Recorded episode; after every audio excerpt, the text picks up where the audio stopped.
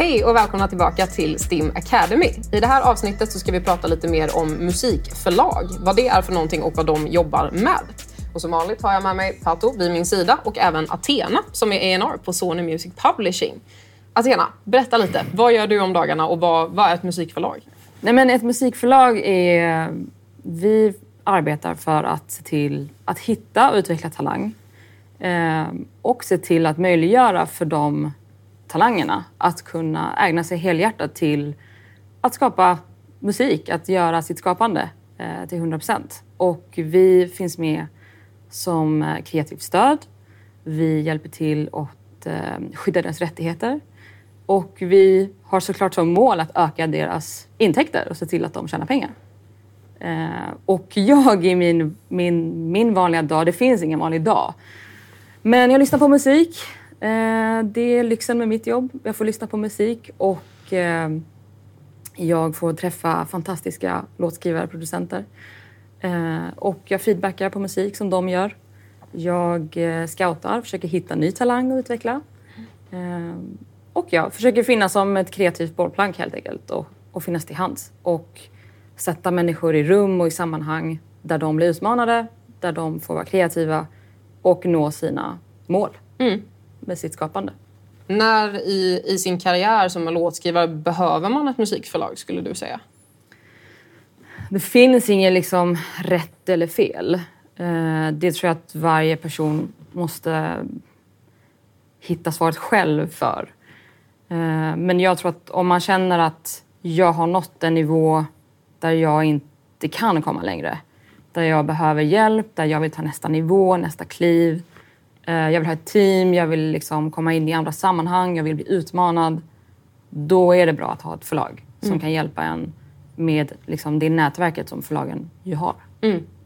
Just det. Låt oss säga att man är en ung låtskrivare som precis liksom har börjat komma in i vissa rum och sånt där. Eh, och eh, ett förlag, alltså ni som förlag är intresserade i den här unga låtskrivaren. Vad kan den låtskrivaren förväntas utav er om ni kommer till, alltså om ni hittar ett samarbete? Det är ju, det finns några olika delar i musikförlag som är bra att känna till. Och den ena är ju den kreativa delen som är A&R, det jag jobbar med. Att man lyssnar på musik, man feedbackar, utvecklar, försöker utmana låtskrivaren, producenten eh, och sätta den i sammanhang där den får liksom kliva och ta nästa steg. Det är den ena kreativa biten. Sen är den andra kreativa biten synk där musiken som upphovspersonen gör sätts i reklam, tv, film, serier eh, olika liksom, rörligt material. Eh, så det är den kreativa sidan. Och sen så är den administrativa där vi registrerar verken, där vi ser till att allting flödar som det ska. Den ekonomiska biten där man får stöd och eh, får ett förskott om man vill det för att kunna ägna sig åt helhjärtat till det här. Att så här, mm. jag vill fokusera på att skapa musik och göra det här till mitt jobb och kunna leva på det. Eh, och sen har vi ju också eh, business affairs, så den legala biten där man kan få hjälp med legala frågor.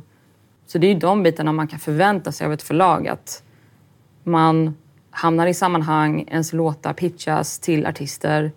Eh, man får utmanas, man får hjälp och stöd ekonomiskt och allting på den administrativa sidan sköts och man behöver själv inte tänka på det eller vara orolig. Och det görs det inte bara i Sverige utan det är någonting vi gör globalt. Ehm, så även om ens låtar spelas internationellt så kommer vi också se till att de pengarna flödar in eh, från de andra societies som finns i världen. Men Athena, du har ju också erfarenhet och har jobbat på eh, management och på skivbolag, eller musikbolag som man säger nu för tiden, eh, och inte bara förlag. Det är ju andra väldigt viktiga delar av musikbranschen. Hur skiljer de sig och vad, vad gör de verksamheterna?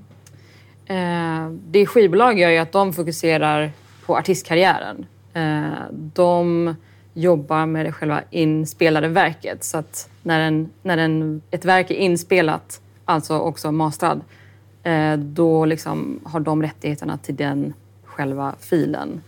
Eh, och förr var det att man tryckte upp CD-skivor och eh, allt vad det är. Nu är det ju eh, allt digitalt.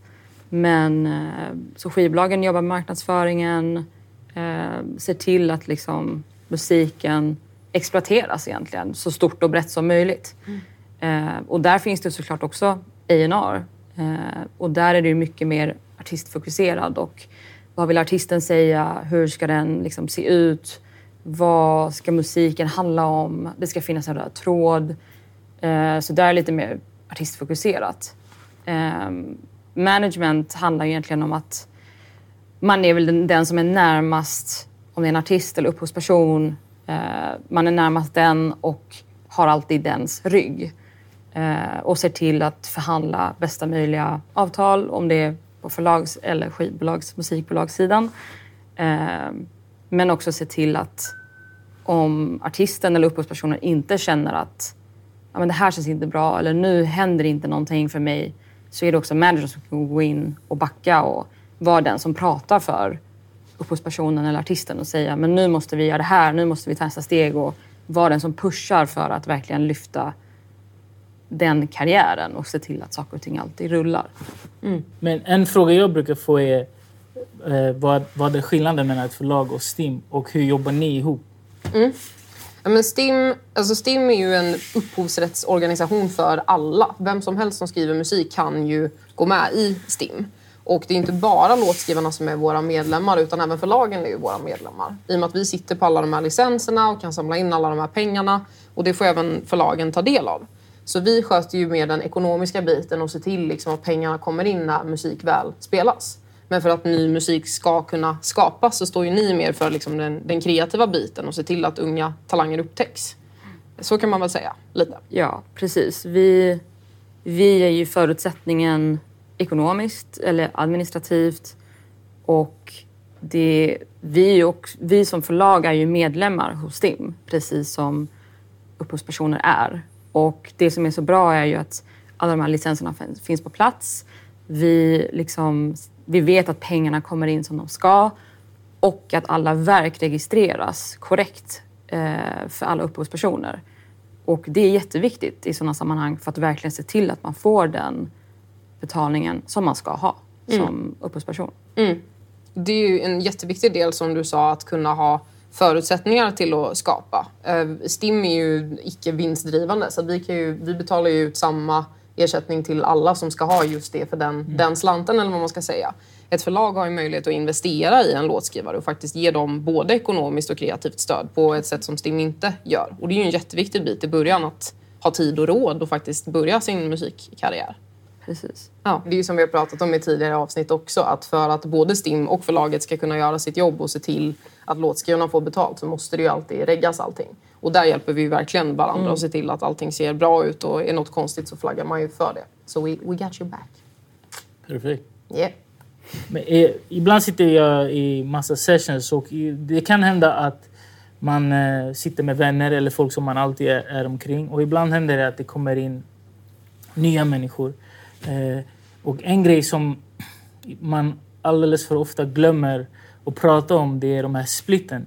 Man pratar om de här splitten när låten släpps typ över imorgon. Och mm. då har det hänt liksom att, att man inte enas, att det blir tjafs eller att man, man var bröder när man gjorde låten och sen så typ så, här, så du vet karriärerna sätter fart och sen så umgås man inte längre och sen så kommer man inte ihåg det på samma sätt mm. längre. Utan så här, vadå, du gjorde 3 procent och sen den personen tror att den gjorde 97 procent. Liksom.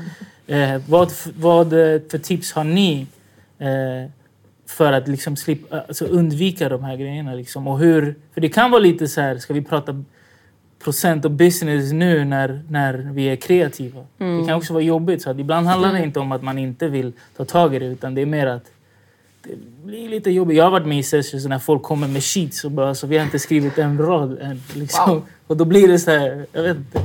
Vad har ni för tips? Det är ju väldigt känsligt. Vad, vad skulle du säga?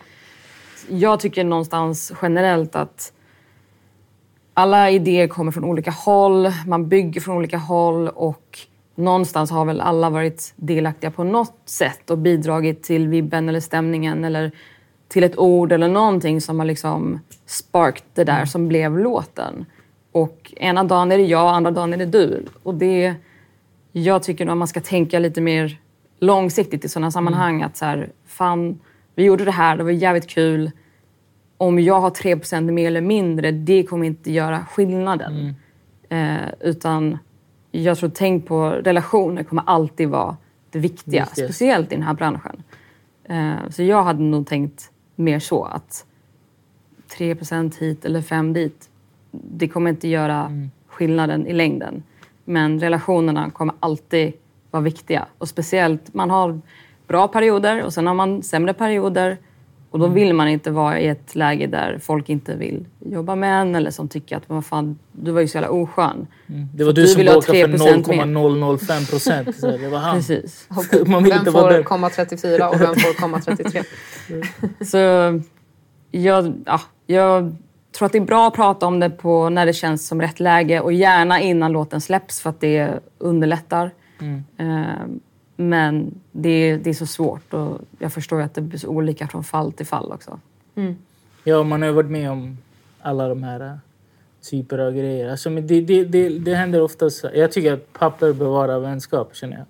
Och så här, du vet, håller, håller äh, minnet fräscht på något sätt. Liksom. Så, men vadå? Det, det, det, det, det kan vara annorlunda när man ibland så här... Ja, men vi splittar den bara. Och så, så, eftersom man är homies så är det lugnt. för så här, vadå, Du tar 33 och jag tar 33 fast jag gjorde det mesta. Men det kan bli annorlunda sen när man, när man inte längre umgås. Eller, du vet, och bara, då, då, är det, då är det andra känslor. Så, därför- men det, det var bra. Det är bra. Det finns inget rätt eller fel. Det är liksom så här, Man ska försöka kanske fill the room på något sätt. Ja. Ja, men långsiktigt känns verkligen som ett ord att bevara. Både för relationerna men också ekonomiskt. Du kommer ju tjäna mer på att ha 5% mindre på den där låten om ni kan skriva 15 låtar ihop till. Mm. Som det också går bra för. Och då är ju det också mer ekonomiskt gångbart om det är nu det man bryr sig väldigt mycket om. Så att det, jag tycker långsiktigt verkligen är ordet att komma ihåg. Där. Ja. Ja, vi har som regel att så här, det spelar ingen roll om det är 80 personer eh, som så här, gjorde låten så länge den låten blir så stor som möjligt. Alltså om det, om det behövs åtta, eh, 80 hjärnor för att få till en hit så hämta in 80 hjärnor. Men en, så här, vi gjorde den själv och det är typ ingen som har lyssnat. Liksom. Mm. Så att, Den bästa idén måste få vinna. Liksom. ja. Och då spelar det ingen roll hur många som är inblandade, bara, bara det blir liksom så bra som möjligt tycker jag. Mm. Ibland så är man liksom kanske, vill säga, tre låtskrivare på en låt och eh, eh, jag har en, ett, ett förlag och någon annan har ett annat förlag och den tredje personen har ett annat förlag. Eh, hur gör man då? Alltså vem, vem, vem av oss ska... Vems förlag ska regga låten? Kanske det är någon som är independent. Eh, hur funkar det? Och räcker det med att en av, eh, en av förlagen reggar det? Hur funkar det hela? Alltså där, där är det ju stor skillnad på om man har ett förlag eller om man inte har ett förlag. För om du inte har ett förlag då måste du registrera låten själv för att annars så finns det ingen som liksom claimar att jo men jag har skrivit den här låten med de här personerna. Så då måste du claima dina egna rättigheter. Men om jag är signad till Sony då är det Sony som måste skicka in den för att claima sina rättigheter. Så att de får sin del av låten som de ska ha för arbetet de har lagt ner. Och är det flera olika förlag så skickar ju alla in varsin verkanmälan och sen så liksom slås det ihop i systemet. Men det måste man göra så att det inte är liksom en verkanmälan som gäller och så får bara Warner sin bit och då får inte Sony sin bit. Så att, all, från alla olika håll så kommer det att bli en. Det kommer liksom slås ihop. Eh, det kommer ju, jag, jag jobbar med extremt mycket nya låtskrivare och eh, producenter. Och i, ibland så... Vissa vill liksom bli signade och eh, vissa inte. Men jag vet inte om de riktigt vet vad det innebär. Eh, men om jag ska liksom ge dem lite tips nästa gång jag träffar dem. Så här, vad, vad är det du som är NR letar efter?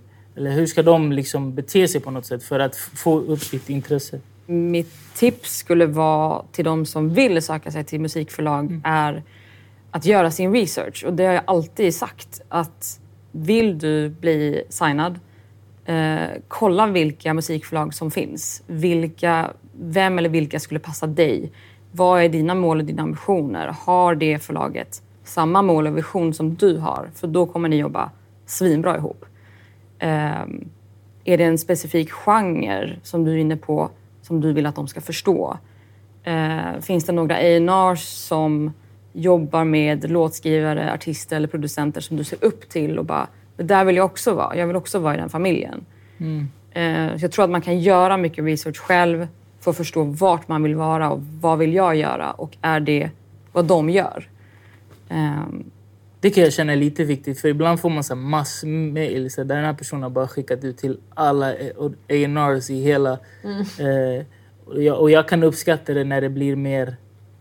När de har, de har typ så här, det är det jag vill jobba med och det är därför du får det här mejlet och jag gör den musiken som du har kanske ganska mycket kunskap i och jag har gjort det här researchen och vet att du har kunskap inom det, i den musikstilen på något sätt. När det är mer så här, jag skickar den här till Athena för att jag har liksom, jag vill jobba med dig. Det, där känns det liksom för, för mig, det är ett tips som jag skulle ge. Att, så- som du sa, så, gör lite research och skicka det till specifika. Välj ut de här människorna som du vill Precis. jobba med. Ja, nej, men jag tycker det, det säger väldigt mycket också om en person.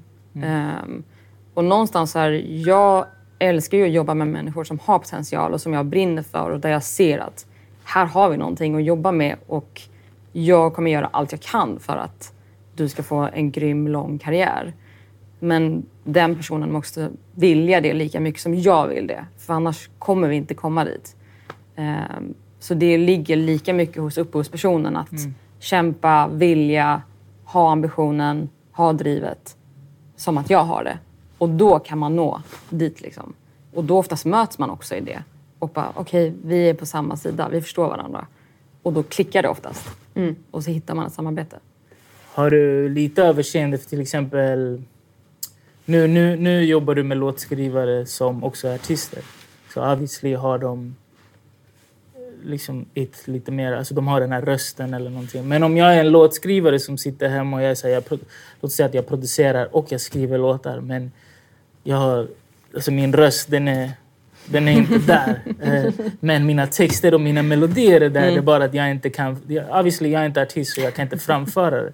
Kan du då höra på så här, kan du få en låt och tänka så här, all right, den här personen, alltså, den är ingen artist, men, eh, men låten är en hit. Kan du, har du överseende för sånt? Ja, alltså i mitt jobb så lyssnar jag på demos, ruffa demos varje dag, typ hela tiden. och eh, jag har absolut överseende och det är också en del av mitt jobb att kunna höra potentialen i att men okej, om det bara kommer en annan sångröst på så kommer den här låten vara magisk. Eh, så absolut, och man ska inte vara rädd för att liksom visa upp musik. Så länge man känner att jag är stolt över det här, jag står för det och det är liksom fem plus låt. Den här låten dör jag för. Då ska man köra. Och eh, alla som jobbar i branschen vet liksom att ja, okej, det här är ingen artist, men låten är där. Ja. Det är viktigt att, jag tror att det är viktigt att ta upp för att jag tror att många kanske inte skickar in på grund av det. Så, "Åh, jag låter hemskt men om någon med bra röst bara sjöng in det så och eh, det är viktigt att, för dem att veta, alltså för dem där ute att veta att ni, att ni faktiskt lyssnar med ett sånt typ av öra. That's Ja. why we have autotune. Mm. Det är också, alltså det, det, Så, för att summera. Både STIM och musikförlag är jätteviktiga för dig som låtskrivare. Och skriver du låtar kan du alltid ansluta dig till STIM. Och vill du ta din karriär till nästa steg så kan ett musikförlag vara en jätteviktig partner i att ta det till nästa nivå.